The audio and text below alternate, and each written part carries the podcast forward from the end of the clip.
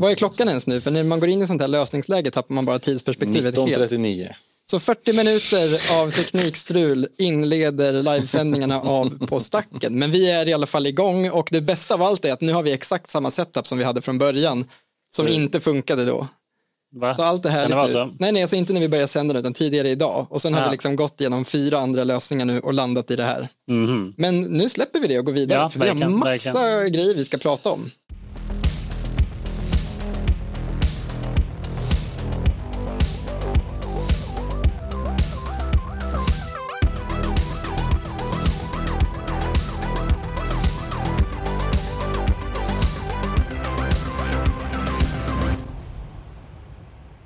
Kristoffer, känner du att du är med oss? Eh, Jag känner absolut att jag är med er.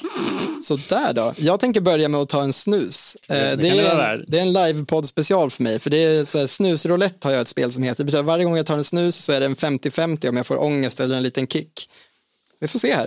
Är det för att hälften av snuserna är laddade med liksom starka droger och andra är grus? Eller vad är Det är mitt kropp, min kropp Ja. som är ett söndagsexemplar. Ja, okej.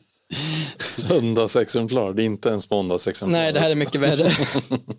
Okej, så. välkomna till livesändningen av Sveriges bästa Magic Podcast på Stacken. Eh, live från studion här i Östermalm och förhoppningsvis det sista stora teknikstrulet i våra livesändningar som vi har tagit oss förbi nu, för nu verkar det i alla fall funka. Eller så har ni bara nöjt er med en mycket lägre nivå för att det var så otroligt eh, kaos nu i början då. Men eh, i vilket fall som helst så är vi igång. Indeed. Ja, men då så.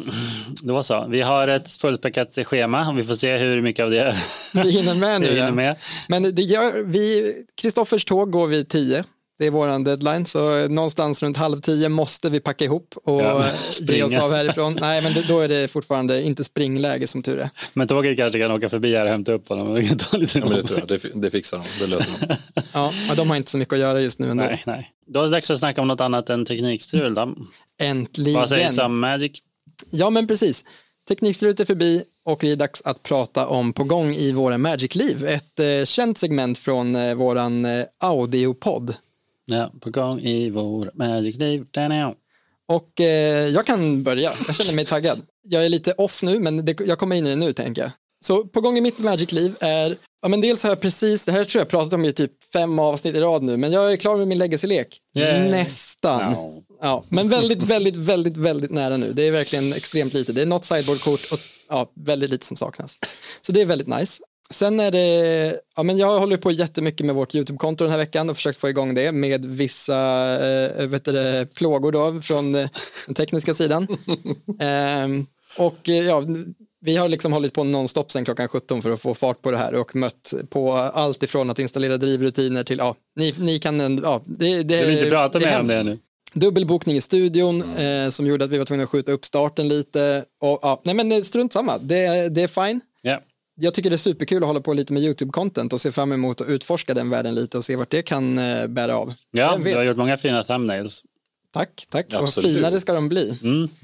Men eh, förutom det så har jag också precis bokat upp en eh, RCQ, alltså en sån här eh, qualifier-event för vägen till Pro Touren kan man säga. Just det. Så nu igen kommer man kunna kvala på våran LGS för att vara med och tävla i Magics absolut högsta nivå. Men då måste man först vinna en RCQ Japp. och sen måste man vinna en eh, Regional Championship, en RC. Japp. Och då, eller man måste komma i topp 36 och då är man med på Pro-touren. Och sen måste man smyga några tusenlappar ner i Maros ficka. Och sen. Ja, precis. Så att han ser åt andra hållet när man fuskar, eller vadå? Ja. Det är för det är Mario som är headjudge på alla stora turneringar. Men ja, jag nöjer mig så, för det, just nu Ja, händer det ja. faktiskt inte så mycket mer i mitt Nej, liv, helt det, ärligt. jag har fullt upp med att preppa inför att bli far. Precis. Och då inte far till en YouTube-kanal. Det är ett av mina barn. Ja, så är det. Nej, jag... Kär far har många barn som det heter. Eh, kärt barn har många fäder. Nej, vänta. Varsågod Harry. Ja, jag, jag, eh, jag har faktiskt spelat lite Magic och jag har också pillat med många lekar eh, och många kort. Och också har jag, alltså ni vet ju ibland säger man eh, när det är finanskris, eller man och man, här på Östermalm så när det är finanskris, då säger man saker som det är rea på börsen, woo! Eller hur? Det är du nu på Magic Det är jag nu på Magic-börsen. Jag bara, varför läggs det upp så mycket aktioner på SVM med billiga kort? Kanske för att alla är bankrutt och för att ingen tror på Magics framtid. Men jag tror på det. Eh, och så jag passar på att buda på allt möjligt. Nonsens. Du är som den galningen som köpte tulpaner under den holländska tulpankraschen och tänkte de kommer snart gå upp i pris igen, jag vet det. Exakt. Ja, så jag har köpt mycket, budat på mycket kort så får vi se vilka som hamnar i brevlådan. Uh, absolut, bland annat Old Border Foils har inte varit så här billiga på länge. Mm. Ja, så uh, jag lever loppen. Ja, Försöker inte tänka på hyreshöjning. Du köper Magic-kort istället. Det känns som en rimlig paniklösning. Japp. Är det allt då? Du bara köper kort? Nej, då, jag har spelat lite också. Jag, en kompis som är väldigt ny har eh, skrapat ihop ett litet commandergäng. Alltså, vi spelade lite i veckan. Alltid spännande att träffa nya IDH-vänner. Så det var kul. En av dem hade, en, jag körde Warhammer 40K-leken. Det var första gången jag fick möta en sån. eh, Så det var rätt spännande. De känns ju roliga och balanserade ändå. Uh, starka men inte extremt starka liksom. Och en annan körde Insect Tribal, vilket jag respekterar. Mm, Det känns väldigt Eskilstuna. mm, visst, visst. Med Insects Tribal. Nej, men det är bara sånt vi gör, bygger sådana lekar. Men vi är inte ensamma, det finns många sköna lirare. Jag själv körde min Worm Tribal bland annat och eh, den är bättre än jag trodde. Alltså, det borde vara så dålig. Men konceptet stora gröna gubbar som får trample och blir ännu större och ramp, det är bara så jävla bra. Never gets old. Nej, folk bara dör.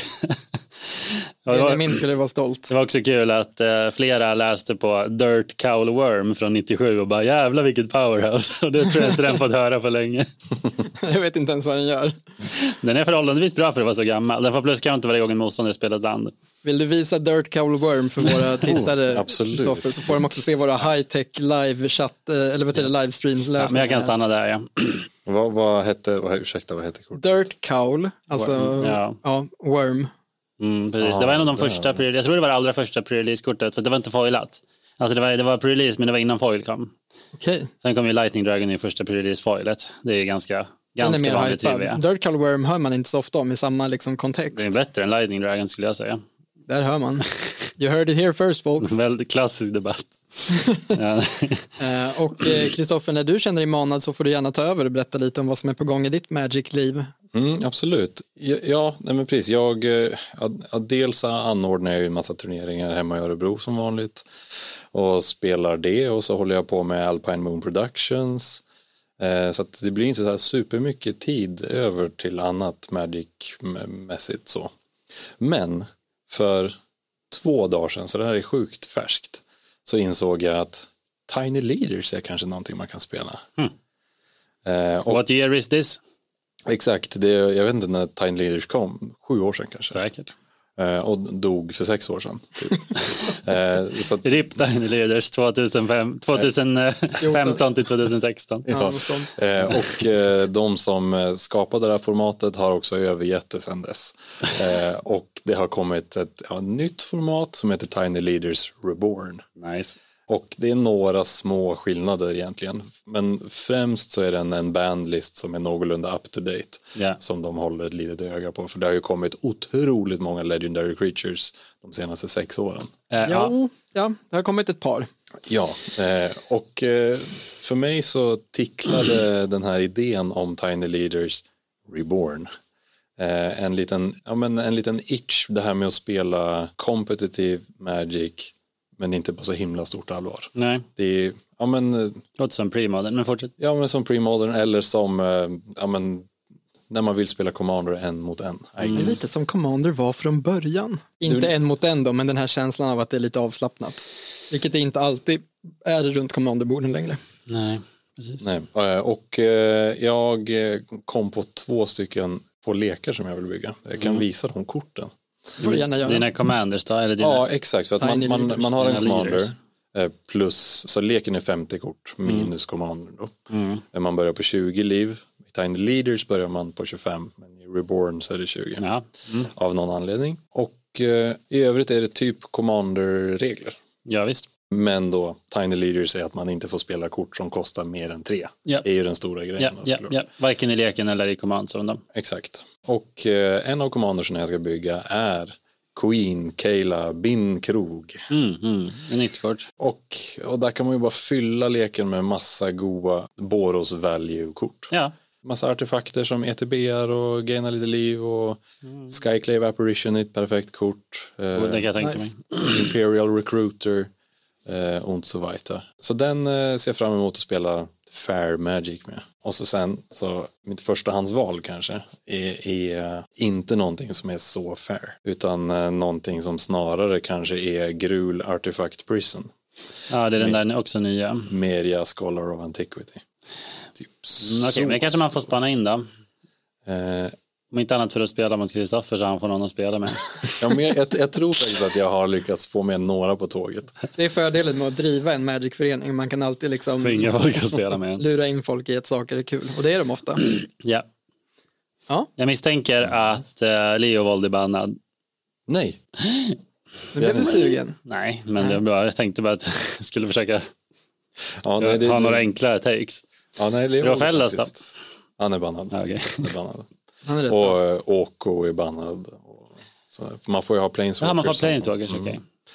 Ja, Ja, det, det är det som var är det. på gång i mitt Magic. Ja, men nice. nice. Men då så. härligt. Och då kan vi också passa på att säga att om man är mer intresserad av Kristoffers egna content så är Alpine Moon Productions ett underbart eh, tillhåll här på YouTube och ibland på Twitch också.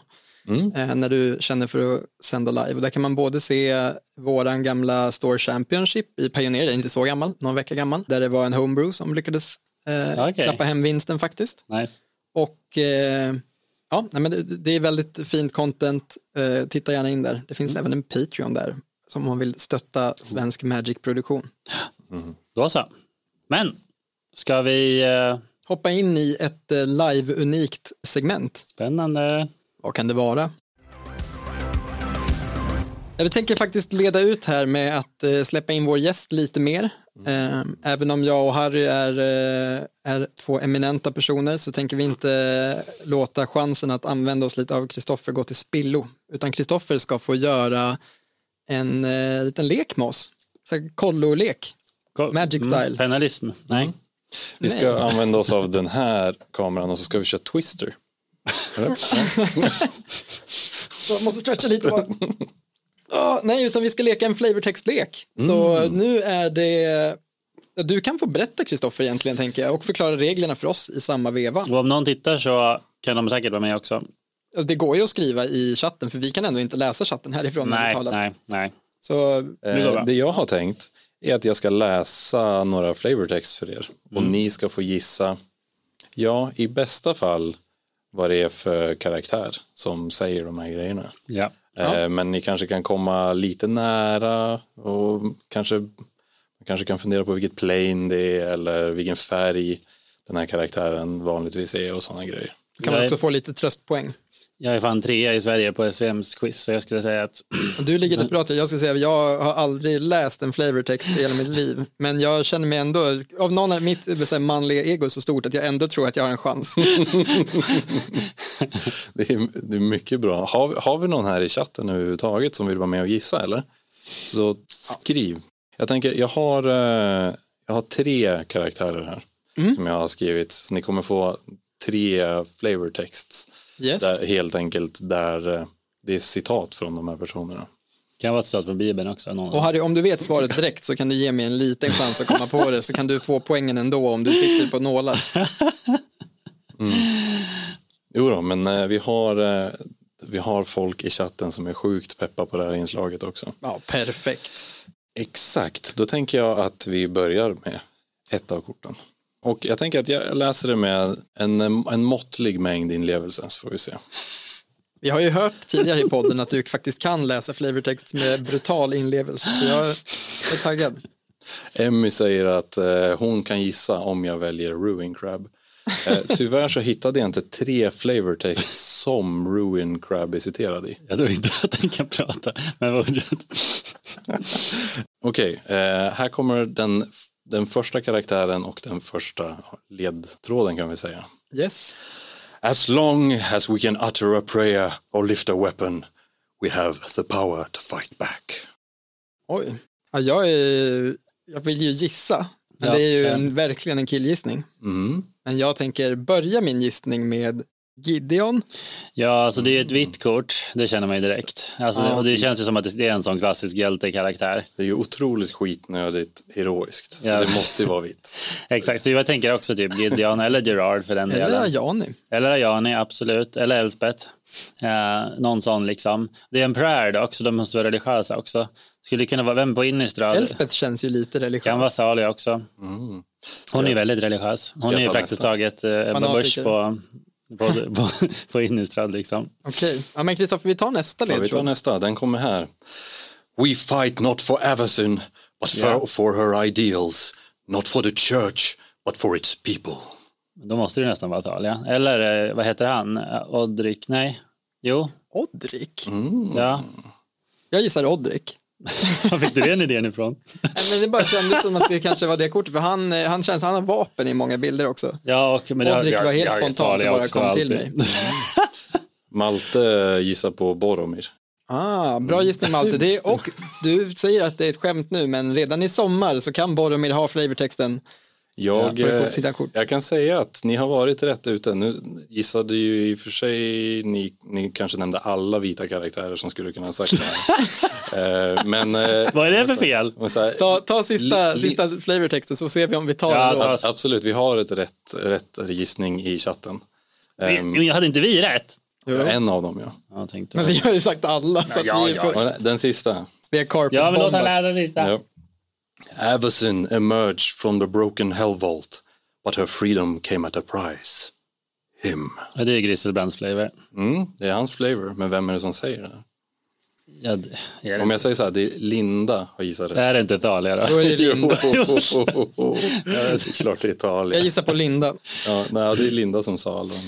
Men eh, mycket, mycket bra, det är så himla tydligt vad color pien är tydlig. Att man hör att ja, men det här är ett vitt kort. Du får ta en femfärgad karaktär i nästa livepodd. Då blir det... Ja, Du hade fler eller? ja, ja, ja absolut fler. Jag tänker att vi kan, eh, eh, vi kör på på nästa bara, helt Ja, enkelt. visst, Linda- ös på. Den här är gången ska jag inte gissa på alla, jag lovar. Nej, nej, nej. Men vi gissade inte, vi bara, man får du vet. Man vill inte spekulera med namnen. Man kan säga, ja det kan vara den här karaktären med brunt hår och två svärd. Ja, ja.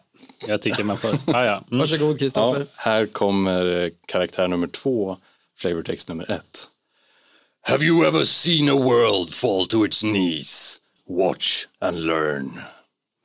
Nicol Bolas gissar jag. Och sen är jag nöjd. Jag kommer inte få gissa på något mer nu för jag sa att jag bara ska gissa en gång. Så, ja, Du, du åkte dit på en gång. förlåt. Ja. Så mycket ADHD. Ja. Eh, Nicol Bolas är inte rätt. Ah, shit. Alltså jag, jag, får, jag kan bara tänka högt. Eh, och då är det alltså andra supervillains, eh, tänker man ju på. Ja, Alltså det skulle ju kunna vara, en gissning per flavortext säger vi nu. jaha okej. Eh, En, en bra regel, den borde jag ha kommit på. det skulle ju kunna Det vara, är bättre att komma på regler än att komma på flavortext tyvärr. precis, det skulle ju kunna vara typ Yawgmoth, antar jag. Det En bra gissning. Ni är ju i rätt färg. Jo, Ja, oj, tack. Ja, vi vi hoppar till nästa. då. jobbigt om det bara är Josef Stalin. Man bara, vad är det? Exakt. Det är lite citat ur Mein Kampf eller någonting. Eh, här kommer eh, nästa. Det är nästa, vad heter det, den här när de gör crossovers till andra spel, vad heter det? The Universe is beyond World War II. Universes Beyond Oj, oj, djupt problematiskt. Dictators. Ja. Eh, Secret Lair Dictators. Eh, nåväl, eh, ledtråd nummer två här. I have suffered a thousand lifetimes of agony on this wretched world. I have far less time to share with you, but I assure you, no less pain. Sorin gissar jag på nu. Mm, det är också en bra gissning. Jag tänkte också på Sorin, för jag vet att han har ju, eh, han blev ju inlåst av eh, Nahiri i stenen. Mm, han är Och- gammal också. Han är väldigt gammal och eh, Han var han, fast väldigt länge på, Exakt. på heter det, Innistrad, så man skulle kunna tro att han kommer ifrån. exakt, och han var asförbannad förmodligen Mm. efter det. Och han, har ju, han var ju otroligt mäktig så han kan ju räcka ett play, liksom, han har ju skapat Avesyn själv och sådär. Alltså det var väl innan Demending antar jag. Men Ja, men vi, vi, ska vi gå in på tredje och se om vi, det är Ja. lite som På spåret det här. ja, ja. Absolut, ni två kan- poäng. På två poäng. Eh, tredje ledtråden här.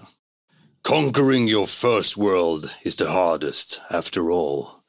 My power grew as I moved from world to world, taking anything that would make me make the next taking easier. Ja. Och Nixilis då? Mm, Ja, men- Det stämmer från kortet Ambitious, Ambitions Cost. Mycket bra. Yes. Eh, och Maltis är rätt, rätt också. Jag tänkte, jag tänkte precis säga att Sorin är det inte i så fall, han är ingen conqueror så. Nej. Han är ganska skön, Nej, fast ond. Obnixlis är väl en warlord. Jo, men lite så. Det säger han när man spelar honom på arena. Okej, så. Visst, röstskådespelaren till Obnixilis på arena, Darin DePaul, samma röstskådespelare som eh, Reinhardt. Det är fan där deep, ser man. deep, deep trivia. Deep Tracks Only. Hammer down! Eller Everyone, get in here! Ja, det känner man igen från Hearthstone. Darin DePaul. Mm, ah, ja, Vi nice. har en tredje, så i, eh, ja, tredje karaktären, första ledtråden. I do as I choose with what is mine and it is all mine. Det känns också som... Inte Talia. Nej, jag förstår. Det Jag är nog inte ett vitt kort. det känns också som ett svart kort ju. Ja, just det. Men min grej är att jag bara ska skjuta från höften och inte Okej, tänka ja. så mycket. Så Ja, jag ja. tänker bara säga, och, eh, Nicol Bolas. Igen. jag tycker om Nicol Bolas. Jo, jo. Det skulle, det skulle absolut kunna vara det. Det kan ju inte vara typ en Eldrazi för de kan inte prata direkt. Nej. Jag tänker på dem som... Slurp, slog. Är det Slugork? ja, precis. Sl- Slogurkan.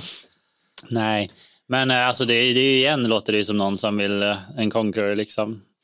Så vi har ju varit inne på många av dem redan. Men det kanske kan vara någon, det kan jag också tänka ja, men längre bak, alltså som jag sa, alltså på de, den typen av de skurkarna från första liksom.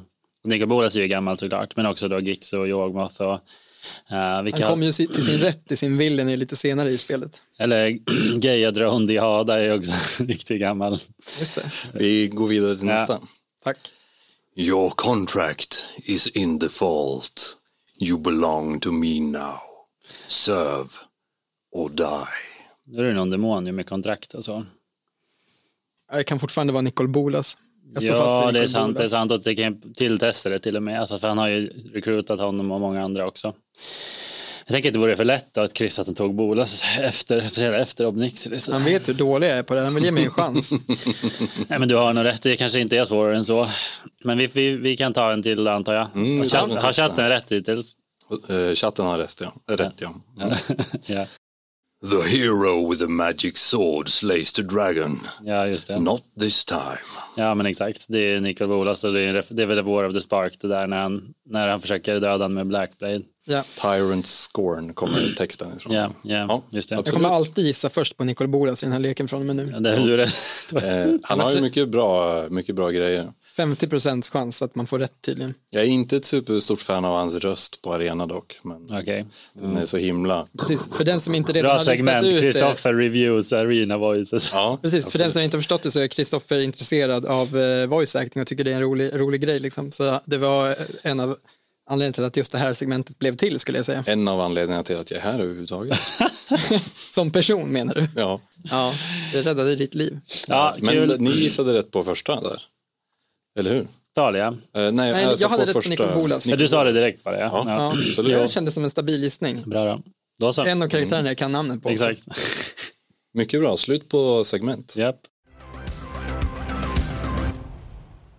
En alternativ sån här grej man kan göra om man följer den här streamen är att man kan se hur lång tid det tar för mig att sänka den här skålen med eh, tryfflar. För jag har redan gjort ett ganska stabilt jobb. Du? Måste jag säga. Ja, men jag tror nog fyra tryfflar in redan. Otroligt. Det var Ja, men då så. Lin- Linda som gissade rätt igen. Ja. Ja, Så hon tog eh, två av tre i alla fall. riktigt stabil. Mm, mycket bra. Men det är klart de kan ta Man har det. många Magic-år under bältet så att säga. Ja. Jag vet det finns på, på Magic the Circle Jerking då på Reddit. Så jag har sett vissa reposta något från typ något annat forum. Där det är en kille som berättar om hur kär han är i Italien. Jag undrar om det är Linda som är bakom det. Han pratar så här i detalj om hur han, inte då, alltså det är inte bara sexuellt utan han verkligen bara vill vara med henne och gifta sig med henne och, och krama om henne och skeda henne. Så det är väldigt cringe och väldigt kul. Ja, Det kanske är Linda tänker jag som skrivit om det är ju inlägget. inte konstigare. Alltså, det är ju vanligare än vad man tror med folk som blir kära i karaktärer. Fiktionella Ja, karaktärer. fa- faktiskt. Ja, Ja, ja. det är faktiska karaktärer, typ som människor. Det är det vi kallar dem, vi vanliga. Jag blev kär i en karaktär. En riktig Vilken jävla karaktär. karaktär. Sa- Kristoffers fru. Ja, exakt. Ja, jo. ja men då så. Kul segment. Vi får se om du återkommer. Det, det hoppas jag, det var kul. Flavorfighten. Ja. Chatten vann, skulle vi kunna säga. Vi säger Ja, Linda vann. Ja, ja. Men jag tycker chatten är liksom en... en vi, vi, här. vi ville ju dra ut på det för vi ville inte att du skulle känna dig dum. Så du tagit gjort för lätt quiz. Ja, just Jag hade kunnat haft rätt direkt. Ja, du är fan inte någon va? Jo. Ja, man Jag, kanske- Talia sa jag ja, men du tidigt. carpet-bombade ju. Nej, Ja, eh, ja, ja. Vi har i poddens, eh, i poddens anda ett tema med oss in idag. Det här är ett tema som är valt med kärlek och också valt av nöd. För nu när de släppte sättet The Brothers War så blev jag eh, dels väldigt glad för jag älskar Magic nostalgi och kort, alltså det var ändå när jag började spela i, liksom den, i den dominaria settingen det fortfarande var i så jag tyckte det var ascoolt av den anledningen. Ja. Men sen när folk frågade mig typ på preleasen bara, men vilka är egentligen Mishra och Ursa? Och jag bara, ja men det är två brorsor, de hade ett krig. De är viktiga karaktärer i storyn. Ja. Och sen insåg jag att jag kan egentligen inte jättemycket om det, för jag har inte läst böckerna, jag har inte kollat på lore-videos. Nej. Och så frågade jag dig och det visade sig att du kunde egentligen inte heller supermycket om det här. Nej, visst. Man tycker de är coola, man vet att alltid vet att de har funnits för de har varit med så länge. Och man vet att alla kort typ från Weatherlight-sagan och Ursa-saga är typ referenser till storyn. Mm. Alltså varenda instant i Sorcery är typ en, en del av storyn. Ja, det är så de berättade storyn genom korten Ja, på den tiden. ja men det är ju helt obegripligt att pussla ihop det. Och då var liksom storyn över tre re- releaser också, eh, som bara tog storyn vidare i, i liksom ett main set och sen de andra sätten utvecklade storyn på ett annat Ja. sätt. Eh, ja, vad, vad vill jag komma till med det? Jo, jag vill bara säga att vi har eh, ett tema och det temat är inte The Brothers War utan det temat är Ursa. Ja, exakt. Så vi, vi ville prata om The Brothers War och sen så tänkte vi prata om Lauren. Eh, och, så tänkte, och sen började jag researcha och insåg att Ursa är så, så, så lång story så vi hinner bara med. Det började med att jag sa vi kan prata om, om eh, Mishra och Ursa och Harry sa nej det är alldeles för smalt, vi kommer inte kunna göra ett avsnitt bara om det. Och sen redan dagen efter hörde Harry av sig med bara vi kan inte prata om båda, det är alldeles för brett, vi får nöja oss med bara Ursa. Och jag läste igenom Harrys anteckningar, det är en eh, B-uppsats i eh, Magic-historia som han redan har formulerat här. Det är inte en överdrift. Det är inte en överdrift. Eh, Så är det. Så alltså, vad som kommer hända nu är att jag kommer läsa min sammanfattning av Ursas liv. Och, I ett svep utan paus, det tror jag inte. nej, absolut inte. Jag måste få flika in med lite kommentarer och frågor. Ja, exakt så. Nej men så här va, Brothers War är ett eventset kan jag börja med att säga. Eh, och det betyder ju att det är, till skillnad från de flesta Magic-set så handlar det inte om en play utan om ett event. Och eventet är ju då det flera decennier långa kriget mellan brorsorna Ursa och Mischa. Då. Eh, och anledningen att det är relevant är för att eh, i storyn, eh, så i Brothers War-storyn som pågår nu, så är det tre saker som sker parallellt. Eh, å ena sidan så är det den här konflikten då som, som Teferi åker tillbaks till för att eh, så Teferi tidsreser till The Brothers War eh, för att försöka få tag på Ett stopp mot Phyrexians va? exakt och framförallt det vapnet som blastar dem åt helvete en gång i tiden. Eh, det, Ursas gamla anti-Phyrexia-bomb. Exakt, G- Gorgothian Silax. Och det får han hjälp med av Kaja och av Sahili som bygger någon slags tidsmaskin. Eh, och medan de håller på med det så krigar de mot Phyrexia på Dominaria i Ursas Tower. Och det är nästa sätt framförallt kan man säga. Det är Det början började av det lite i kriget, Dominaria ja. United och så kommer liksom upplösningen komma sen i March of the Machine eller vad det heter. Eh, Exakt, exakt. Eh, och precis, så i storyn i nya sättet så sker allt det här parallellt. Då. Eh, och den storyn som eh, Brothers var ju då en stor del av Ursas långa liv, men det är inte hela. Eh, så, men jag tänkte det att Ursa är ju liksom förmodligen den kändaste karaktären i Magic. Eh, och förutom möjligtvis om man börjat nyligen eller senaste tio åren ska jag väl säga. Så, Jace så kanske är det väl Chandra och. Jace, ja precis.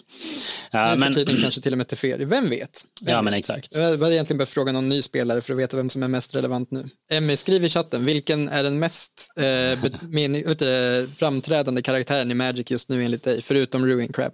Precis. Men så här är det va, Eh, att eh, Ursa är ju då en eh, otroligt mäktig planeswalker och en klassisk trollkarl för den delen. Alltså han, är ju, han har ju alla klassiska tropes. Skägg, mantel, stav och sådär. Eh, Han har levt i tusentals år, han är verkligen lite Gandalf-aktig på så vis. Eh, Och även lite Jesus-aktig skulle jag säga. För Ursa och Mishra, de- de föddes båda, eh, när de föddes det den officiella tidsräkningen i Magic-kanon. Alltså det är år noll på grund av det, för att han var De är tvillingar alltså. Ja, nej, jag tror faktiskt inte det. Nej, men, men väldigt nära inpå i alla fall. Ja. Eh, Men, men Ursa föddes då säger vi då. Eh, Så det är lite Jesus där. De föddes i alla fall i en eh, rik noble family. Men morsan dog väldigt tidigt. Och farsan gifte om sig och var en, med en bitch till styvmor. Klassiker. Klassisk villain story. Villain Origin Story. Allt börjar med en hemsk kvinna. Jep, exakt. De föddes i alla fall på Argive, vilket refereras till då och då. Eh, och inte nog med att styvmorsan var hemsk, farsan blev också sjuk och eh, han kände att jag kan inte ta hand om de här grabbarna så jag skickar dem eh, till en ny mentor, till en arkeolog som heter Tokasia och där började de alltså knega. Som lärlingar? Ja, exakt, som lärlingar. Eh, och på en arkeologisk digsite som bland annat utforskade om ruinerna från Thran då, som är en så här, gammal civilisation. Ja, och på, som refereras i typ alla Dominaria-relaterade sätt. Thran Dynamo. Yogmoth, Ja. Phy- Physician. Ja, men visst. Exakt. Thran var någon slags nation, eller hur? Ja, men jag tror det, för det var människor som bodde där också. Det är en gammal civilisation, så tolkar jag det, eh, som var väldigt bra på artefakter, då, precis som många andra som senare i den här storyn. I alla fall, de höll på där, det gick rätt bra, de gjorde succé, de var väldigt intresserade. Ursa var lite mer av en teoretiker och Mishra var lite mer av en praktiker. Och de här ser vi representerade i Brothers War eh, när de som barn också, de har ju varsitt kort där som uncommons. I alla fall, de hittade massa artefakter, bland annat ornitoptern, den första, som de fortsatte jobba med sen väldigt länge. Men det största de gjorde var ju att de eh, hittade The Caves of Koilos, vilket är ju en, för att vara ett, ett painland som blir printat hundratals gånger, så är det ju ett kort som är väldigt eh, viktigt i storyn. Eh, Ursa och Mishra, du vet, jag ser framför mig att de var lite som så här, pojkarna i typ Stand By Me när de är ute och dummar sig. Eh, och det gjorde de i alla fall. Eh, och de snubblade över då en eh, portal eh, i, i Caves of Koilos som visade sig vara blockerad av en powerstone. Så de började tjafsa. Eh, man kan verkligen se det, de har lagt framför sig en sån, två brorsor som bråkar hela tiden. Ja. Eh, och de lyckades på något sätt aktivera den här. Det blev värsta smällen. Första av många smällar i den här storyn ska jag säga. Det är många explosioner. Det är nästan som att Michael Bay hade kunnat skrivit den här storyn. Och eh, någonstans här så dog också deras mentor Tokasia. Jag minns inte, jag fattade inte exakt om det var av smällen eller när, hon, när de kort efter började bråka. För de, det visade sig att när de splittade den här powerstonen som också var ett lås så var den ena delen eh, är det som sen kommer att kallas the might stone och den andra är det som kallas the weak stone. Och de här kommer vara väldigt relevanta eh, senare. De känner, säkert igen namnen. De, Ja, visst, ja, visst. Det är bekant. Och de Ja, kom ju i det här senaste sättet som en, alltså som en sammansättning. The exakt. Mightstone and the Weakstone. Exakt, men de trycktes ju också back i Antiquities som varsitt kort. eh, Ja, som, som, inte pin- haft jättestort. De är så pinsamt dåliga för att vara så inflytelserika kort. Och det är, det är ett mönster vi kommer se mycket här. Ja. Uh, ja, I alla fall, det här var ju tråkigt att hon dog då, det- för de gillade väl henne, Tokasia, deras sin mentor. Och de eh, blev väldigt osams. Det visade sig också att de här stenarna, jag tolkar dem lite som ringen i Sagan om ringen, att de också gör en lite cray cray. Alltså man vill ha dem väldigt mycket. Och de, det slutade med att Ursa fick behålla The Mightstone och Mishra The Weakstone. Och Mightstone var bara att så, all, alla artefakter och liknande i närheten blev starkare av den. Eh, medan Weakstone var tvärtom, att den sänkte liksom folk. Lite riggat för att han skulle bli lite extra skurk då. Ja. I alla fall. Eh, så de, de började bråka och de fattade att det här håller inte. Så Ursa sa faktiskt shit, jag drar. Jag hittar några på något annat. Så han drog till Josia, Jotia, jag vet inte hur det uttalas. Ja, Jotia. Ja, och blev apprentice igen. Den här gången till en eh, klockmakare av något slag. Och på den här ön, eller vad det är, den här nationen han jobbade, eh, så höll han på där och gjorde sina Ursa-grejer. Han är ju för övrigt en så här socially awkward nörd. Eh, inte så social, inte så mycket bry sig om andra alltid. Och det kommer vi också märka mer av. Kanske passande för Magic-communityn att I alla fall på den tiden. Ja. Eh, Men på den här ön då, eller vad det nu var, det här riket. Så det härskaren i riket, han tänkte så här, eh, det här är ju en, eh, jag kanske ska ta och gifta bort min dotter eh, på ett rimligt sätt. Så då gjorde, utannonserade han en utmaning då till alla som sa att det här är en stor tung staty, Jade Statue, också ett klassiskt kort. Den som lyckas flytta på min staty kommer få min dotters hand. Det är en klassisk saga. Japp. Det lyckas då Ursa göra menar du? Ja, precis. Men först var det en massa, massa tuffingar såklart, eh, som försökte också klassisk saga. Svärdet i stenen, också, man visst. känner igen tropesen liksom. Oh ja. Som du vet sa, starka Adolf var väl där liksom, försökte knuffa på den, men han lyckades inte. Men Ursa gjorde, använde ju sin brains förstås och byggde Ursas Avenger, som också är ett kort, för att flytta på den här statyn. Och han lyckades såklart. Edvard, kan du försöka lyfta statyn? Eh, ja, den håll, här, håll, håll i den. nej, han lyckades det är inte. inte jag som är Ursas Avenger. Men varför ville Ursa gifta sig med henne då? Svaret är att det ville han inte. Han doesn't give a shit about them bitches. Han, vad, han, vad han ville var att eh, han insåg att hon hade eh, en mäktig artefakt såklart som han ville åt. Nämligen Jalum Tome som också är ett cheatkort som ingen spelar med. Ja, Eh, för han visste att det var en gammal Thran-bok. Ja, Ja. hänger med. Började ni se, redan på bröllopsnatten är en viktig detalj. Så Ah, dissade han henne. Så dissade han henne och började plugga igen. Han började läsa Jalem Tome istället. Ja. Nej, fy fan. Visst är det en bra story hittills? Absolut, det är otroligt spännande. Ja. det- nu- Har du bra koll på storyn, Kristoffer? Eh, snart. Ja, bra. Mm. I alla fall. Eh, frugan var inte så glad över det här och det var, de hade inte världens bästa relation. Däremot blev farsan glad. Han sa vilken flitig kille va. Så han gav honom mer uppdrag. Och så Ja, han såg inte att han var en dålig man utan han såg att det var en, en, duktig, en duktig artificer. exakt, och det gick så pass bra så efter en viss tid så fick Ursa jobbet som Lord High Artificer. Det känner vi igen från eh, Modern Horizons 1. Exakt. Japp, så det var det. Så Ursa höll på där. Eh, hänger ni med allihop? Och sen efter det, under den här tiden, jag ska inte gå in för mycket på det, så Mishra, han var, hade släntrade runt i öknen, lite som Moses kanske, fast utan följare. Eh, och där hittade han, i Falaji Desert, där blev han till slut tillfångatagen, tvingades slava. Tänker lite som Conan, han går runt, runt där eh, i hjulet. Men efter ett tag så var det någon som bara, äh, Mishra, jobbade inte du på den här arkeologiska diggsajten för ett tag sedan? Han bara, jo, det gjorde jag. Bara, ja, men då så, då kan du få ett bättre jobb. Så då blev han istället den som höll i pisken. Ja, okej. ja, toppen. Däremot mår han inte så bra ändå, trots att han får piska folk för att han plågas av mardrömmar om en mardrömslik metallisk värld som kanske kommer invadera senare. Och Då kan det till exempel vara Phyrexia.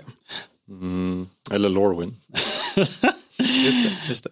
Japp, så blev det. Men i alla fall, han fortsatte, han blev promotad i det här. Han fortsatte, han hjälpte den här armén som han hade hittat att vara lite conquerors.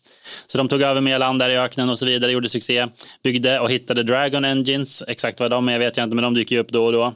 Så han jobbade väl vidare på några gamla Thran Dragon Engines gissar jag. Han träffar också en eh, väldigt ambitiös eh, kvinna som heter Ashnod. Då. Eh, och det visar sig att hon också tycker om att trixa och fixa och bor- borra i saker. Och hon specialiserar sig på att kombinera kött och maskiner till och med. Också något som kommer dyka upp sen. Så hon var, ja, hon var inte rädd att få sina hands dirty liksom. Ett, eh, en karaktär som jag definitivt hade som ett alternativ till flavortext. Kan tänka mig det. Otroligt mycket otäck och äcklig flavortext. Bra. Hon är en, en sjuk person. Mm, kanske borde jag filma med henne en body horror-film. Ja, inga Kanske problem. Jag ser att Kristoffer fortsätter visa bilder på det jag pratar om, är väldigt imponerad. Eh, I alla fall, under den här tiden så Ursa och Mischa de förstod ju att båda höll på och gjorde karriärer. Så de pikade varandra lite grann, de skickade säkert taskiga DMs och så. Men eh, det blev ingen riktigt krig sådär. Däremot så de olika kungarikena de jobbade åt började liksom, eh, eh, du vet de var taggade på att slåss. Så de skulle i alla fall komma överens om att mötas och prata första gången på jättelänge i Korlis. Eh, men där, väl, väl där skiter det sig, bland annat med att Mishra raggar upp Ursas fru. Som Ursa egentligen inte bryr sig Ja. om. Men det är ändå en Men han är ändå bara, mm, Jag vill inte ha henne, men du ska inte ha henne. Exakt. Did you fuck my wife blev det. Så det verkar det verkar som att Mish- Mishra är lite mer Chad, brorsan Oh kanske. ja, oh ja. Ursa är 100% inte kär. Han är, En beta-kuck. han är nog Sigma male skulle jag säga. Ja, okej. Fast han, är ändå, han har ju makt, men han är ju inte, ja, ja, whatever. Eh, hur som helst, det hela ballar ur. Mishras armé bakhåll, hugger Ursas armé i ryggen. Oh shit, det fuckar ur. Och här börjar då The Brothers War här Ja, någonstans. och du har hällt på typ i 60 år eller något sånt. Så jag Japp.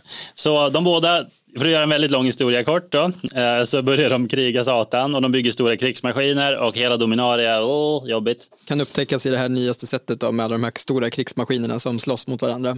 Under, under den här tiden dock ska det nämnas att det startas en annan rörelse, en fredsrörelse, kallas det Third Path.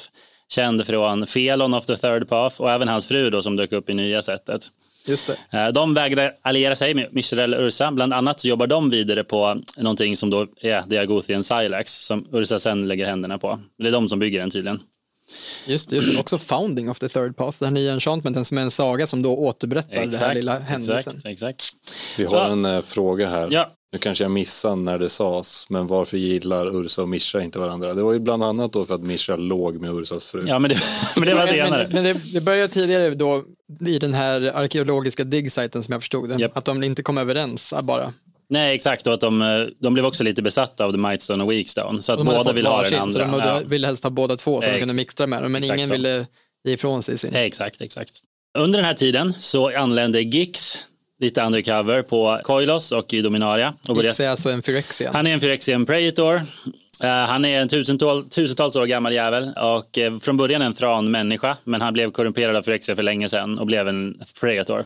För det är så, Thrawn föll genom att de också hade ett stort de- krig mot Phyrexia. Jag tror att de typ på något sätt blev Phyrexia till och med. Alltså Okej. att det formades av Thrawn, men det är lite, oklart. Det tar vi någon annan gång. Ja, exakt. Gix, han fattar att här är det, att jag vill ta över Dominaria, Phyrexia ska ta över Dominaria och här är redan ett krig så vi kan ju spela med de här pjäserna. Va? Och han märker att Mischa verkar vara lite extra öppen för influenser. Så han börjar ju korrumpera och plåga Mischa lite extra eh, och locka honom med diverse krafter. Då.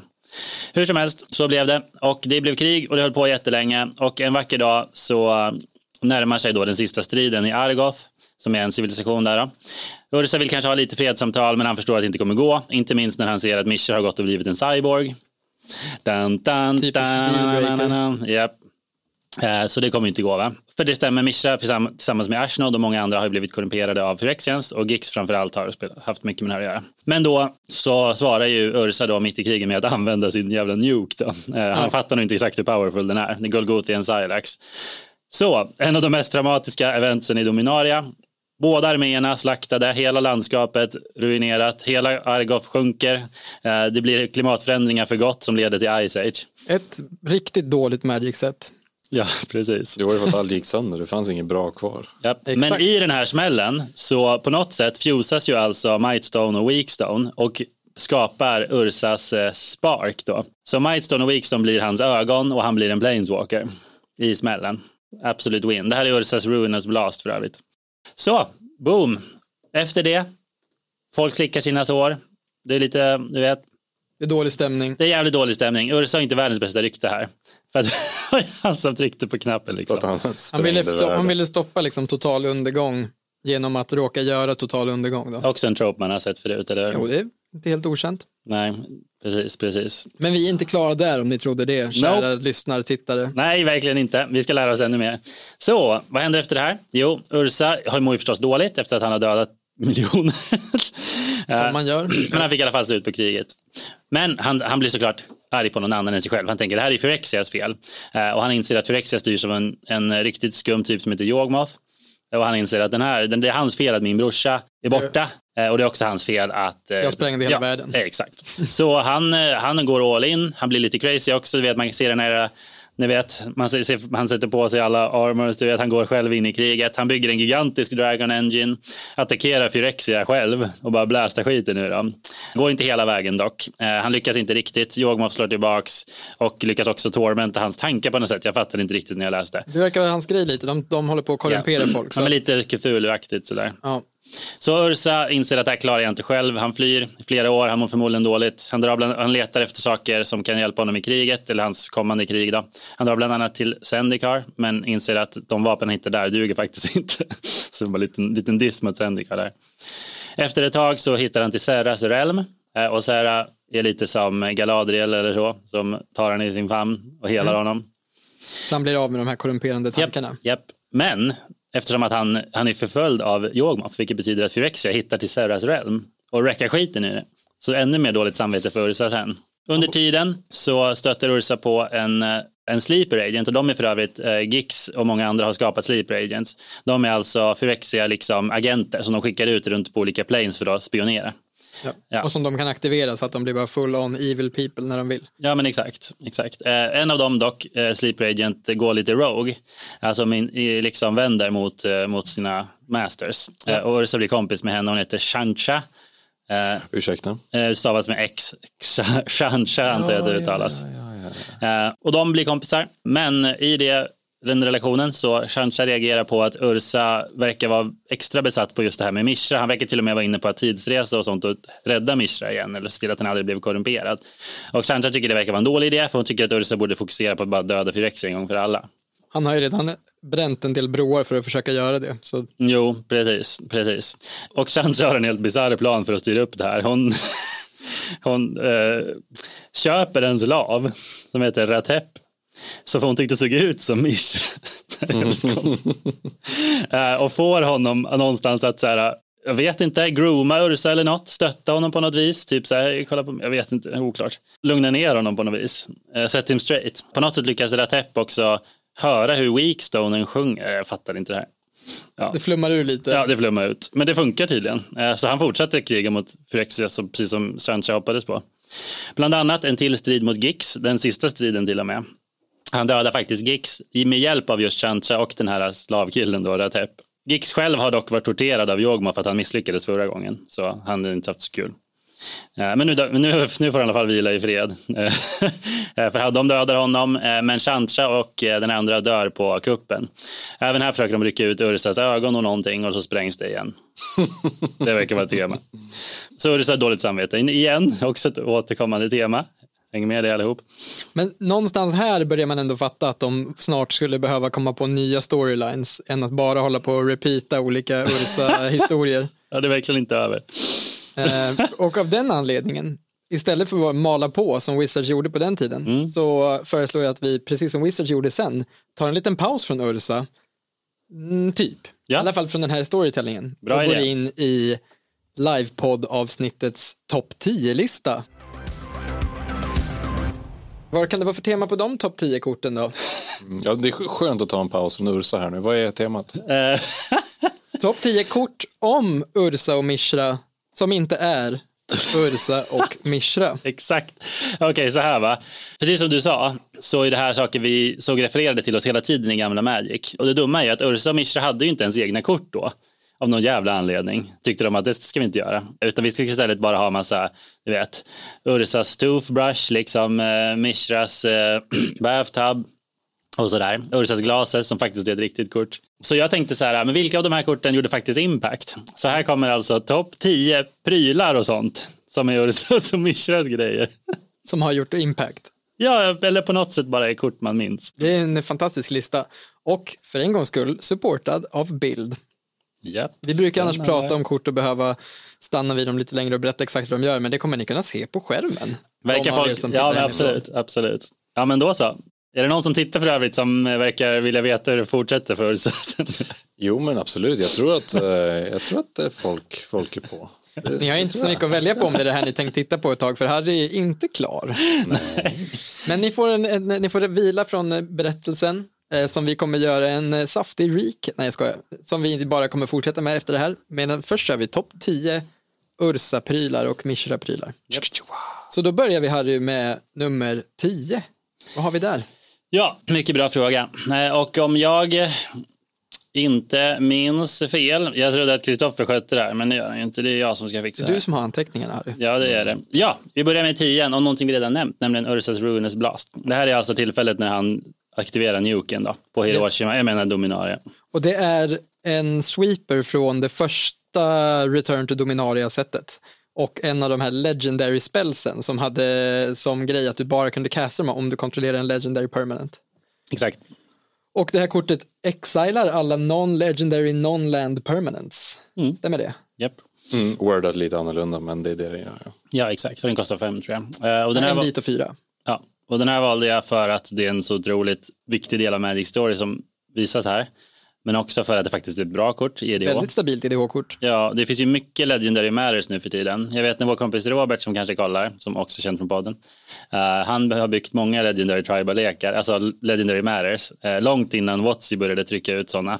Men det har de verkligen gjort på sista tiden. Alltså det är väldigt lätt att bygga en sån lek. Men du kommer vilja spela den här. För den här är väldigt bra. Ja, den är stabil. Du Dock, behöver inte ens vara Legendary Matters för att du spelar ju Legendary Creatures i dina commander-lekar i din command zone. Dock inser jag ju att om eh, alla har Legendary Matters-lekar så är den här skitdålig. Då är den se selektiv. Då, då gäller det att vara den som är mest Legendary Matters då. Den förstör Solring. Det gör den. Det gör den verkligen. Japp, så det var tian. Nummer nio. Nian så satte jag uh, Ursas Rage.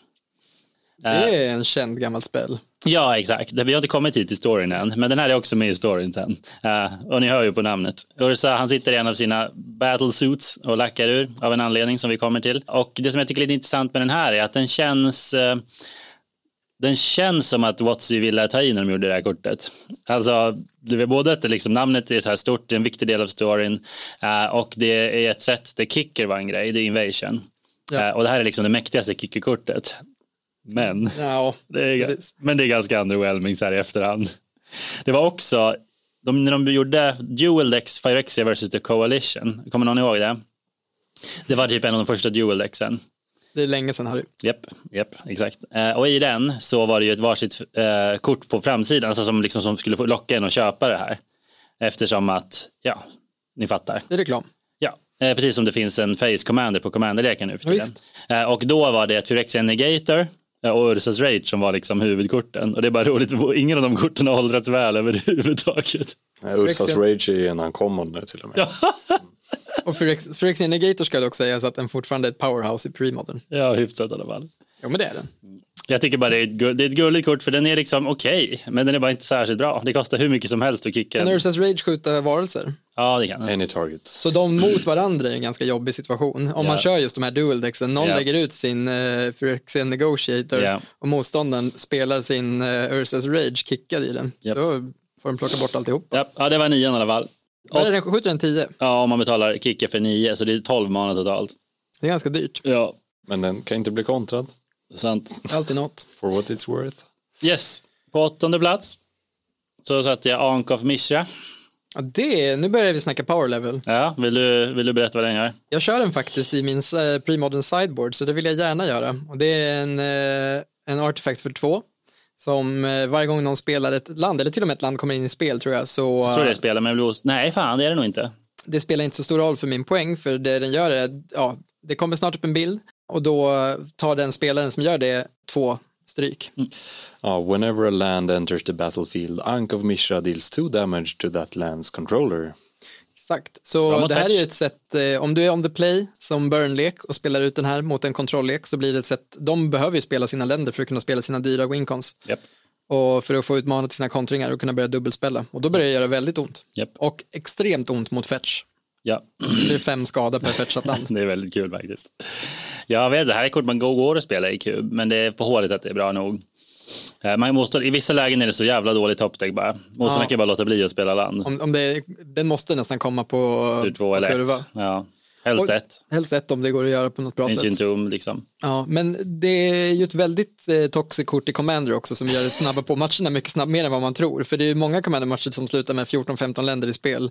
Och då har det gjort väldigt ont med en sån i spel. Kort som irriterar. Allting som får det att inte spela länder hatar ju folk i Commander. Alltså, eh, mest hatar man ju när länderna inte får tappa upp eller förstörs. Men att ta skada av dem är också störigt. Jajamän. Ja, nice. Ska vi hoppa vidare? Nummer sju. På sjuan satte jag uh, Mishras Helix. Mm. Vet du vad den gör? Enlighten me. Ja, det är alltså en artefakt för fem tror jag. eh, som helt enkelt säger X, alltså X generic tappa för att tappa ner X-länder. Ja, just det. Det här är också pre-modern staple. I, eh, vad heter de, eh, Mudd, ja. Ja, det är ett ganska toxic kort också. Ja.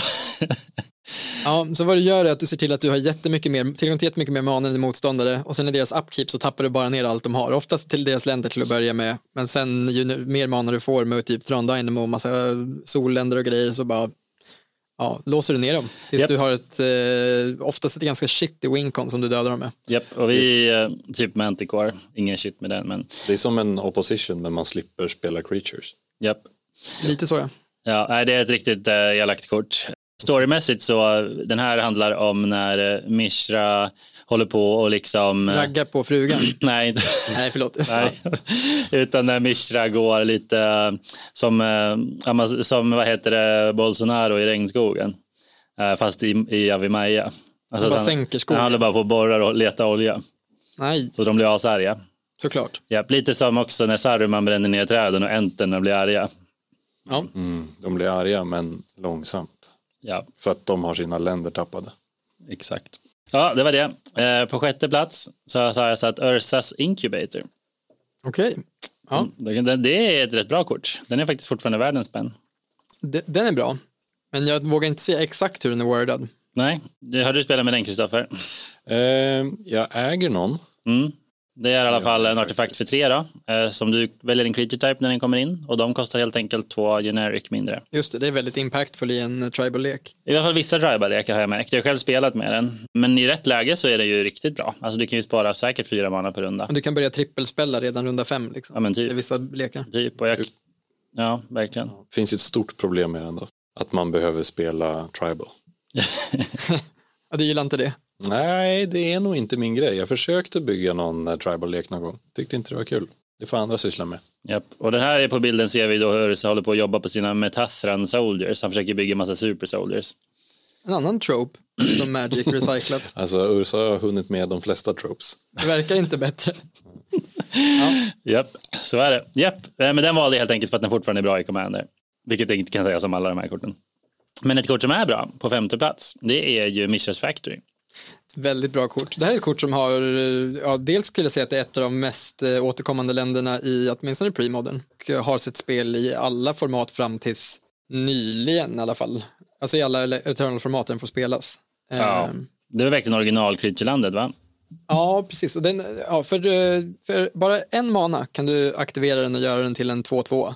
Men den har också en väldigt relevant förmåga som är att du kan tappa den och ge plus ett plus ett till en assembly worker, vilket den själv då blir när den är en creature. Så den blockar som en 3-3 och den gör dina andra attackerande Mishras Factories till eh, eh, 3-3. potentiella 3-3.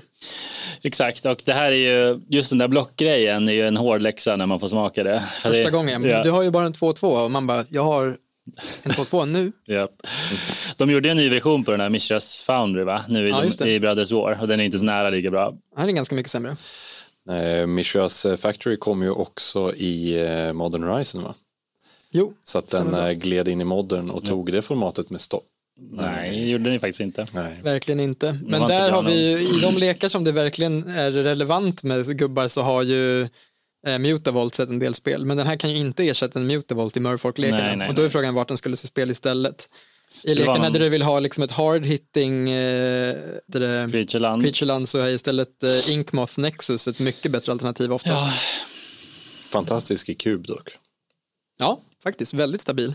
ja, lätt. Den är i typ alla powerkuber. Ja, det är väl ofta där man får lära sig om just den här blocktricket också. Dock, det roliga är att det kan vara en twist på det. För precis som den som attackerar in i den får lära sig en hård läxa så kan ju den som aktiverar och vill göra blocktricket lära, lära sig en hård läxa om de inser att de, inte, att de har summoning sickness på den. Det har också hänt någon gång. Japp. A-track skriver någon här. Ja, då Ah, spelas det. men- Där spelas- tack, Eller tack, tack, tack. spelades eh, i den mån A-track spelas fortfarande. Ja. Ja, men det gör den. Det gör den. Det är ett sånt här lek som aldrig kommer försvinna för att folk älskar den så mycket. Mm, Absolut. Fjärde plats har gjort det fusk igen, två kort. Och det är Mishras och Ursas Bobel. Ja, men den ena av dem är klart bättre och det är förstås den nyare, vilket så är det ju ofta. Det är Ursas Bobel. Eh, nej, Mishras Mishras. Bobel, förlåt, tack. Mishras Bobel som spelas friskt i, ja, framförallt i modern. Ja. Eh, Jag vet inte det där spelas lite i Legacy också, jag har svårt att tänka mig att den inte har någon plats där. Ja. Ja, det är en nollman, den ser väldigt, väldigt harmlös ut. Nollman artefakt, eh, du kan aktivera den direkt för att titta på toppen av motståndarens lek. Och, eller titta på motstånd- eller någons lek, toppen av någons lek. Och sen i nästa upkeep dra ett kort. Japp.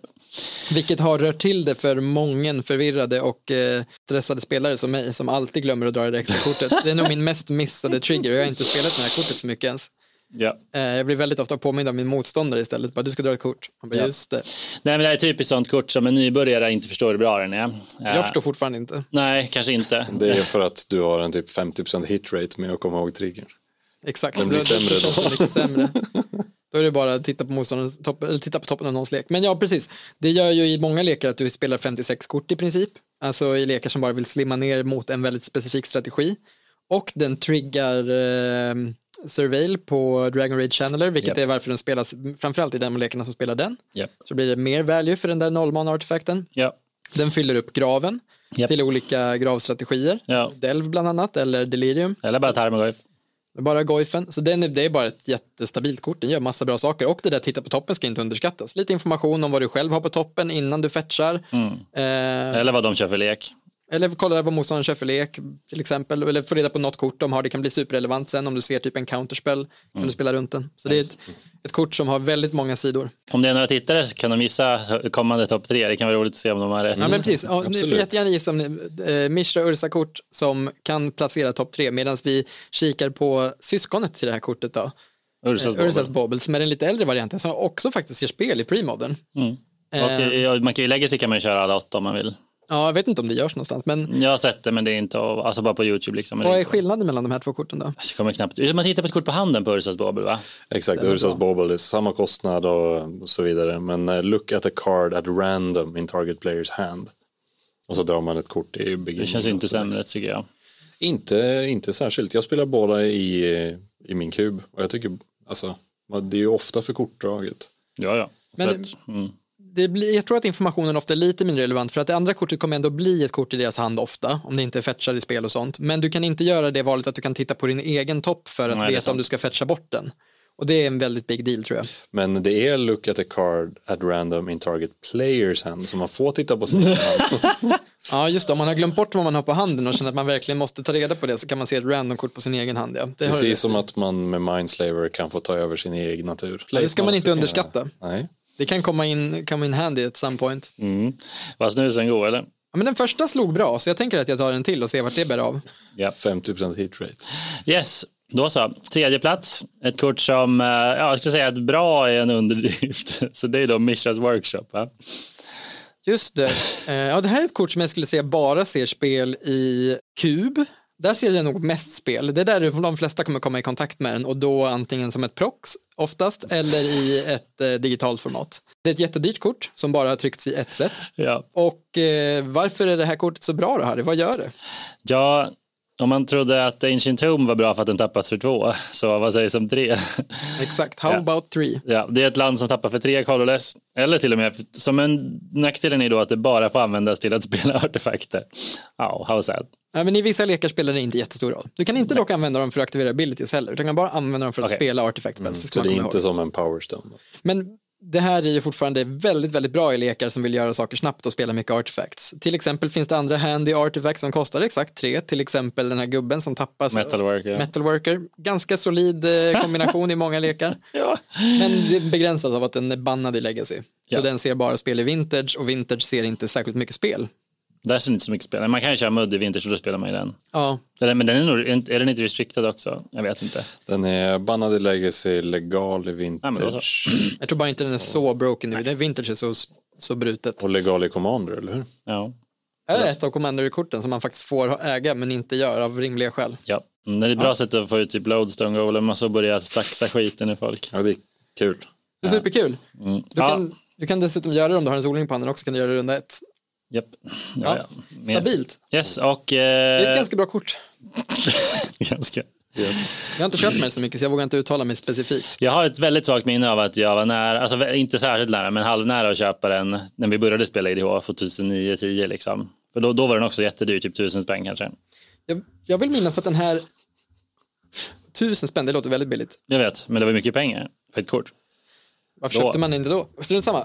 Poängen, jag, jag vet, den här gav mig en turn one-vinst en gång i eh, vet du, Vintage Cube. Nice. Det, det är nog enda gången jag vunnit turn one. Jag har aldrig lyckats eh, gå av med storm tur ett. Nej, nej. Eh, någon Blight Steel Colossus ger en haste slå.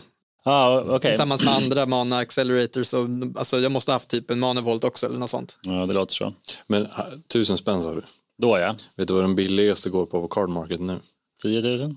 1850 Okej, euro. 20 000. Och då har den förmodligen gått genom en tvättmaskin. Japp, den är poor. den är poor. Det fanns bild också. Den är, jag vet inte om jag törs Ja. titta. Härligt. Ja. ja, nej men eh, vi har två placeringar kvar. exakt. Ett kort som också kostar skjortan, fast bara en 40 del av det där. Eh, Och det är Ursa Saga. Också ett sjukt kort, som är legalt, men som syns överallt i Legacy och Modern. Ja, det är ett väldigt konstigt kort. Vi har pratat om det här förut. Den är inte bara det första enchantment-landet. Det är inte bara det första Saga-landet, utan det är båda två. Eh, Det är allting Eh, och den gör mycket.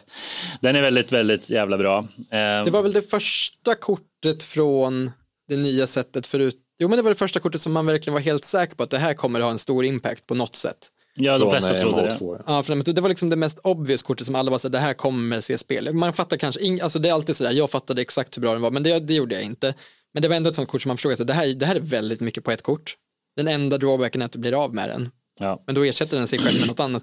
Den, den är ju, den har, jag fattar det. war, den har warpat modern Och Legacy. och legacy och den har enablat helt nya archetypes. Eh, Hammer time var ju inte en grej innan den fanns liksom inte På samma, bara det var en budgetlek tror jag. Mm.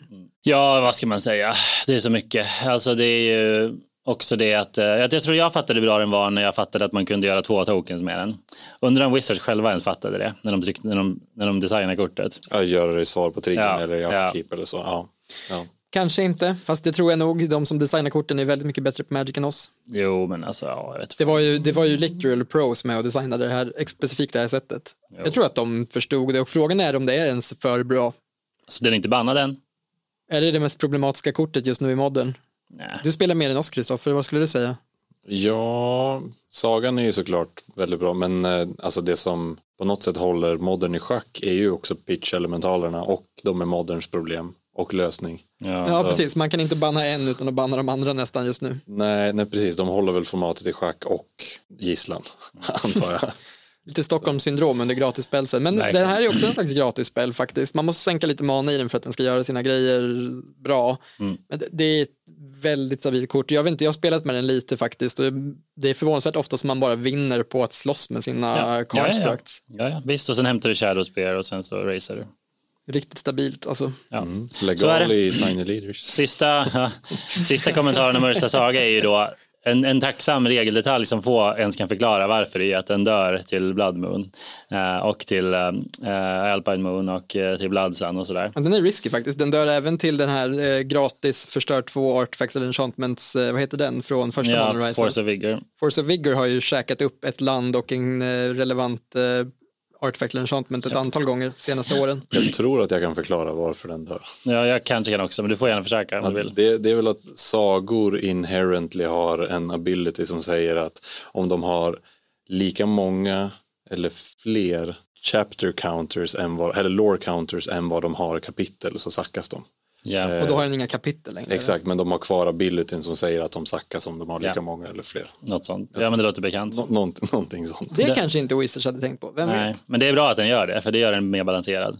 Ja, ja, visst. Den dör också till Murfolk ganska lätt för Tide Shaper och Spreading Sea, så det är nice. Hela kortet Alpine Moon fick ju sig ett uppsving av det här och det är faktiskt tänkbart att eh, Kristoffers eh, produktionsprojekt Alpine Moon Productions Japp. inte ens hade hetat så om det inte vore för Ursas saga. Jag får så himla mycket däng av Alpine Moon så att det är väl någon form av coping mechanism kanske.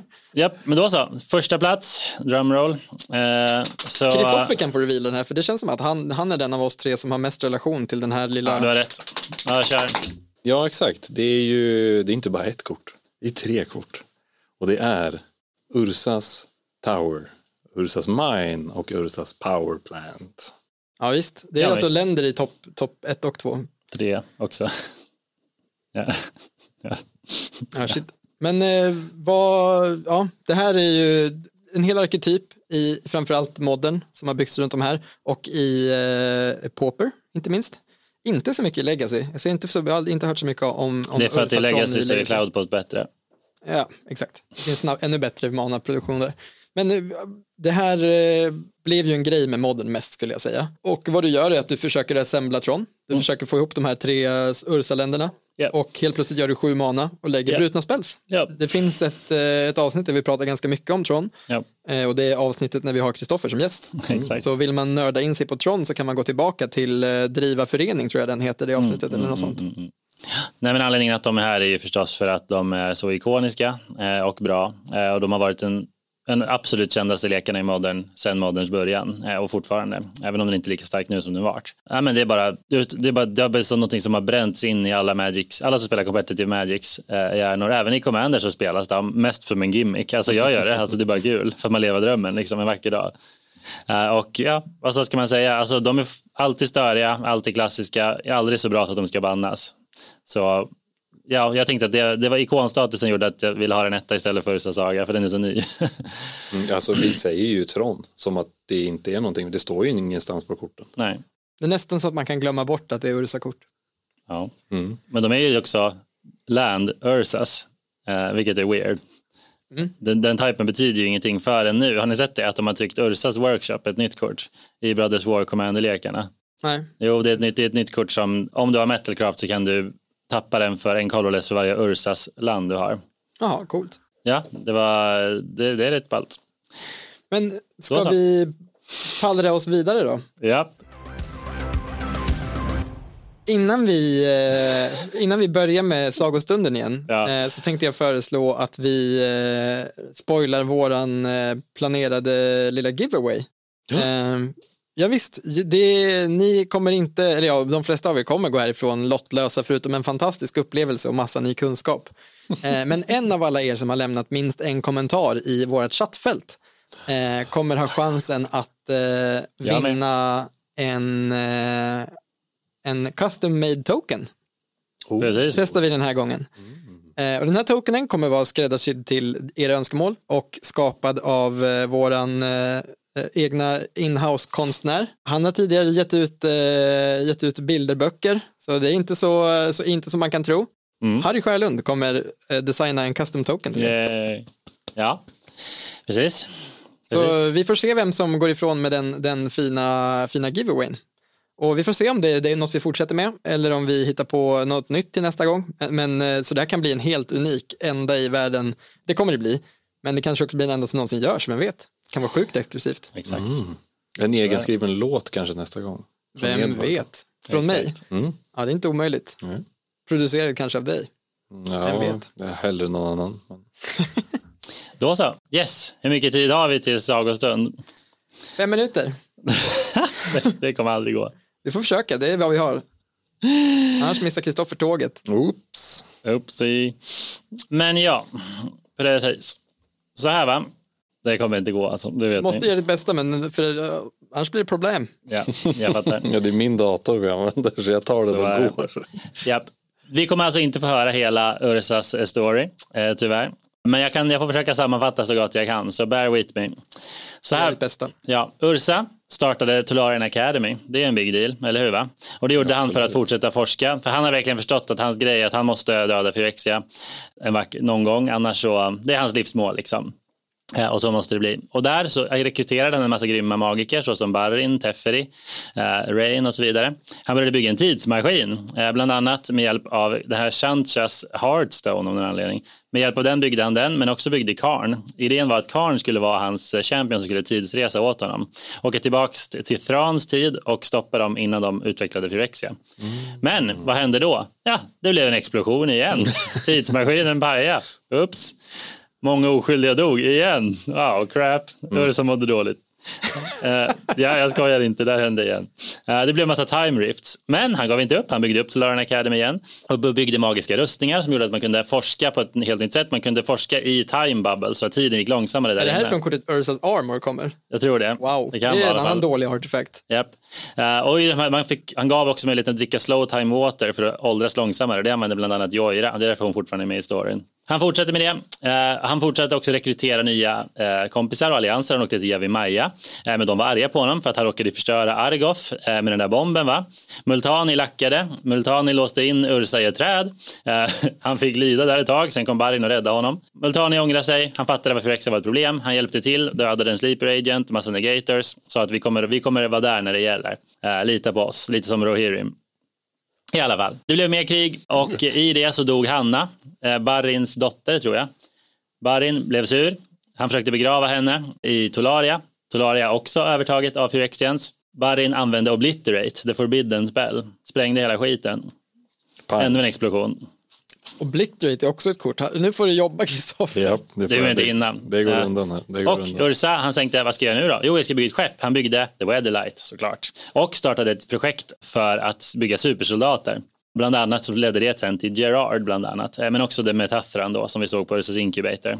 Uh, han fick hjälp på massa olika sätt för att bygga det här. Weatherlight var i alla fall ett asgrymt skepp, massa kanoner, massa grymma piloter, men det krävde massa energi. Vad gjorde han då? Jo, han, han tog energin från Serras realm. Han sa, den här är ändå körd. Minns jag pajade den ju senast, jag kan ju suga energin ur den. ja, det var av någon anledning.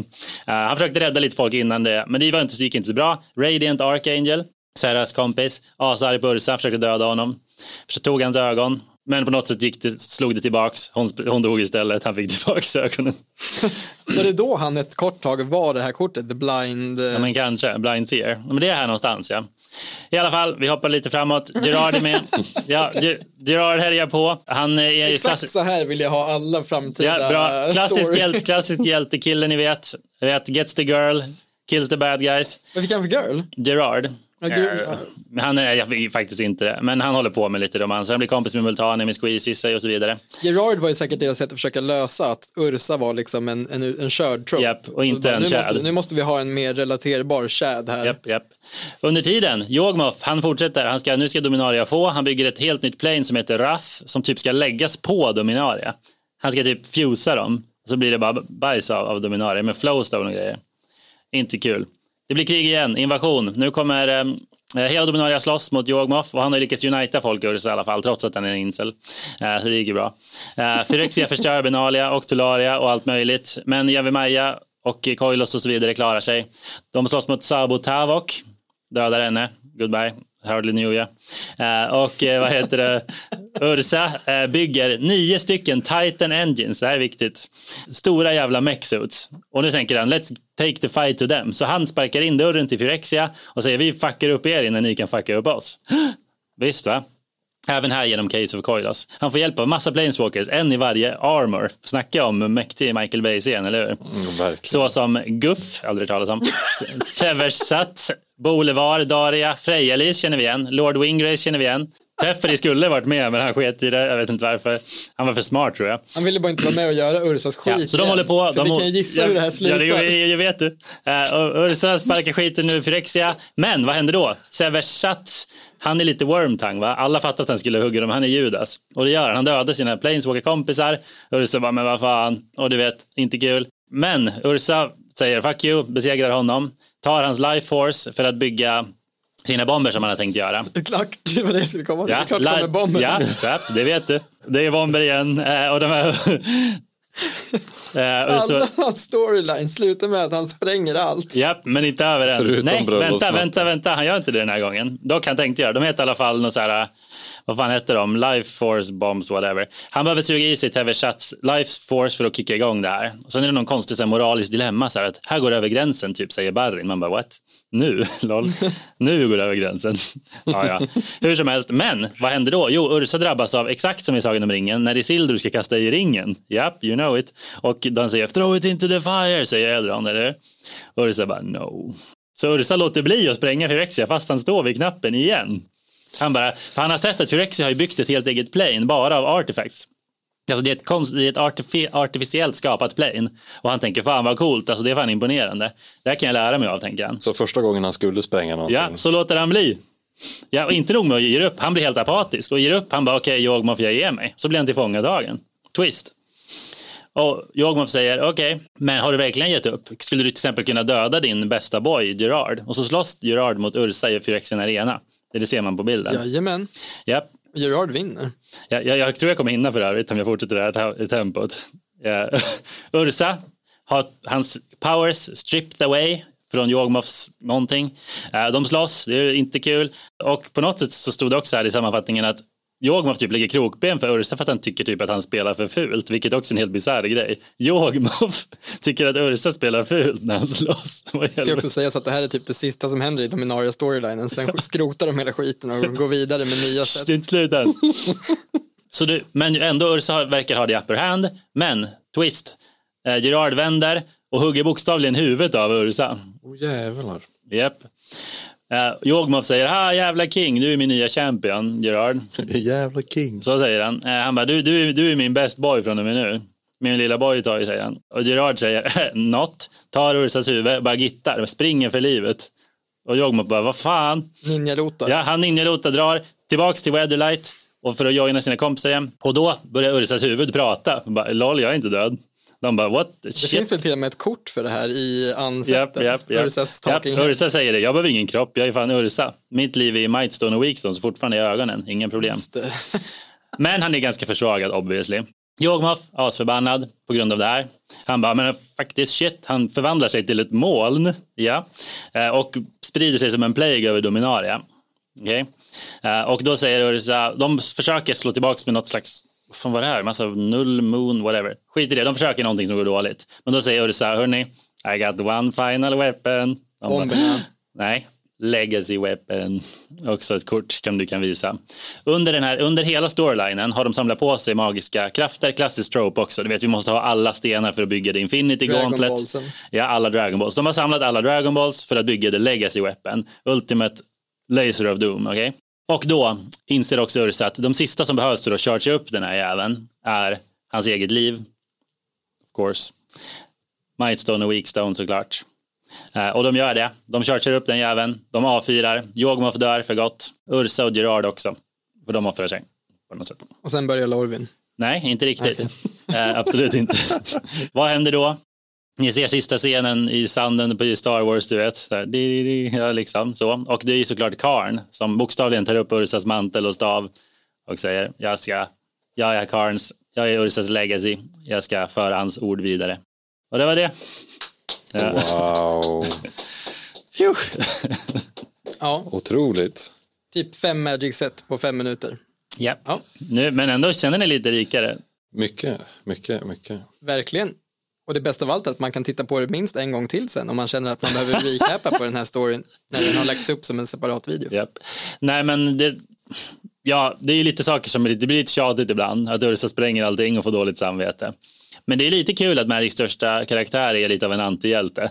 Alltså han är väldigt oskön eh, och han begår krigsbrott hela tiden. Du vet, lite utmanande för eh, eh, till- till tittarna, lyssnarna eller de som läser böckerna.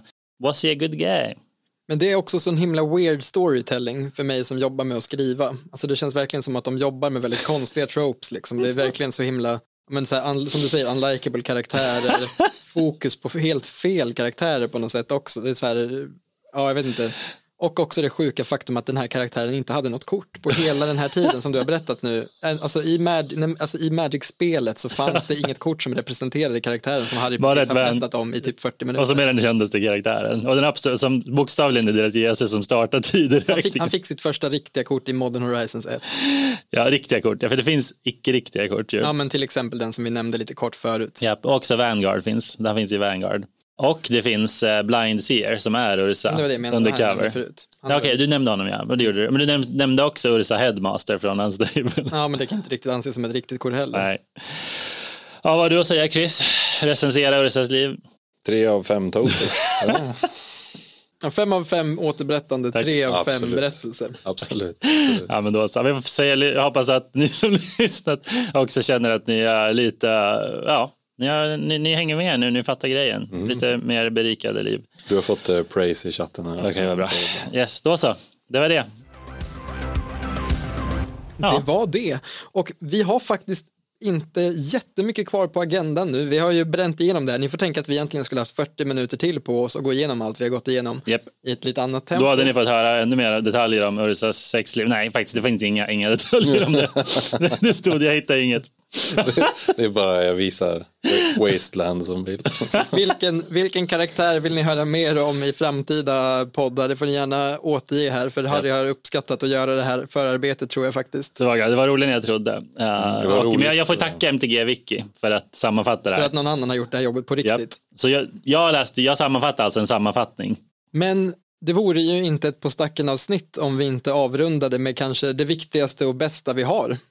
Det är någonting som skulle kunna bytas ut till Sveriges nya statsskick om vi behövde ett nytt, vilket vi kanske gör, vem vet. Det är inte min sak att säga. Men vad som är min sak att säga är att säga nu är det dags för show and tell. Då så. Och hur göra en show and tell om inte att göra det med fysiska föremål nu när vi ändå sitter här och filmar oss. Japp. Eh, Jag går gärna ut först Gärna, med, gärna. med min grej. Jag inledde med det och jag tänkte också avsluta med det. Nämligen de två sista korten i min eh, legacy-lek. Då kan man tänka så här, när man bygger en legacy-lek, vad är det jobbigaste att få tag på på slutet? Det kanske är de här sista duelsen. Och ja, det var lite jobbigt, men Harry hade dem i sin kub, så jag har bara lånat de sista duelsen av Han har honom. de inte alltså. Jag har dem inte än, det stämmer. Men jag har dem i min lek tills vidare och Harry får spela med prox så länge i kuben. Tills jag känner att det är dags att lägga mer pengar på Magic, vilket Harry påstår att det är nu eftersom saker är billiga. Men just duels kanske inte är så billiga. Blir lite billigare. Men jag tänkte visa här eh, vad det är jag saknar och om det är någon i chatten som råkar se de här korten i någons perm så får man gärna plocka upp dem. För det är faktiskt inte de dyraste korten kvar, men de är ack så viktiga för att kunna spela den här legacy-leken. Eh, korten som saknas är ett lite äldre kort ifrån kombot och ett lite nyare då.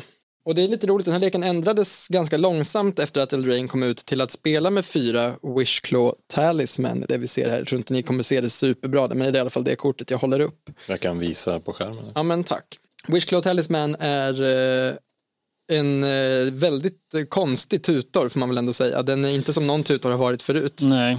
Den kommer in i spel med tre counters på sig, du tar bort en av dem och betalar ett och ger bort själva eh, artefakten till en annan spelare. Men i en lek som planerar att vinna den rundan så kan inte riktigt det anses vara en drawback.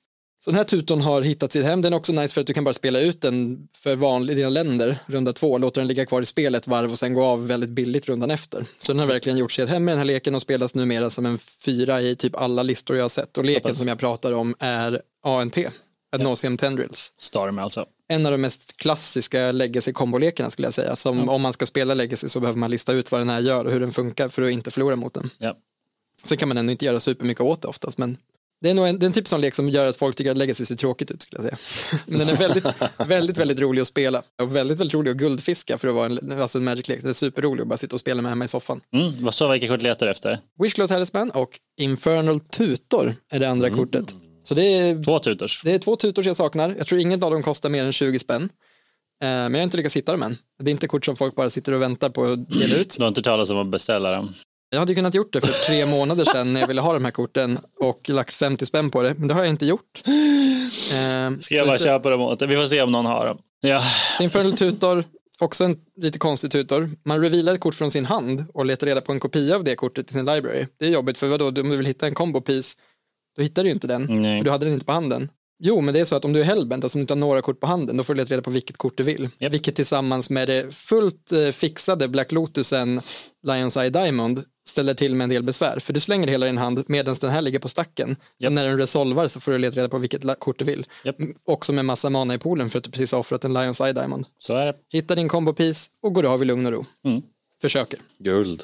Nice. Ja. Ska vi hoppa till Chrissan? det Mm, absolut, det kan vi göra. Jag ska lägga till en liten bildkälla här, för att jag har inte med mig. Det är så, jag är med i en eh, Commander-liga som jag tycker är väldigt kul. Och eh, den, eh, den ligan, den har pågått i sex år, tror jag. Eh, Sjunde året är vi inne på nu och jag har varit med i, det här är år tre nu tror jag. Commander. Ja, Mm. precis. Och, och då är vi, vi åtta spelare som, eh, som vi får en, en pre-con var från det stora commandersläppet. Och sen så spelar man, jag vet inte hur många runder det är, men efter varje runda så får man möjlighet att byta ut några kort med en, en begränsning på antal kort och en viss budget. Det är lite olika från år till år. Eh, Och så samlar man liksom poäng och så till slut så den som har, eller de fyra av de åtta som har flest poäng spelar en final. Och eh, det jag vill visa är pokalen från eh, den här eh, från den här ligan. Och det är alltså det är inte jag som drar i det här på något sätt Nej. eftersom jag inte varit med från början och sånt. Och det här är Humble Brag, det här är pokalen är hemma hos mig nu. Det är alltså en vandringspokal. Ska vi se till att vi ser den också? Jag kan titta här i, i YouTube-flödet. Så jag eh, tog hem den här pokalen förra, förra iterationen och nu spelar Oj, vi vilken mäktig pokal. Mm. Och nu spelar vi igen. Eh, så nu spelar jag med Perry the Pulverizer från eh, Capenna. Och, eh, men jag vann då med eh, Osgir. Eh, och så Wow. här är en liten, liten plack. Där står då mitt, mitt namn och vilken commander jag hade när jag vann. Den vill jag visa på show and tell. Det är ett jättetrevligt initiativ och Mika Pasma som drar i det där ska ha all cred och heder för att han dels har satt upp hela liksom, regelsystemet och ordnat och han köper in briser och alla, alla precons och sånt. Man behöver bara swisha honom och så styr han upp det där. Bossigt. Eh, så det är guld av honom och så kan man bara glida in och vinna. Perfekt. Ja, bra jobbat. Sa du? Det är det... Kolla, kolla, det gav utdelning direkt. Torning. Torning, den hjälten, har förstås korten. Han sitter på en wishclaw och en tysk tutor. Och mitt problem är löst. Det var precis det jag hade tänkt med den här eh, showen tellen. Det är exakt så här man gör. Torning, du vet vilken butik du ska lämna de korten på. Du kan få en, eh, en fet swish. Vad blir det? Kanske 50 spänn. Kolla upp priset, säg vad jag ska swisha. Fan, det här är ju exakt drömmen för mig. Ja, det är perfekt. Jag kommer sova så gott i natt. Jag har en färdig legacy-lek. Hur sjukt är inte det? Jag saknar fortfarande några kort i sideboard. Ja, då så. Det var det. Men vad kan vi snabb bara så här, tack som attans för att ni har tittat. Det har Jag har inte haft varit- show and tell än.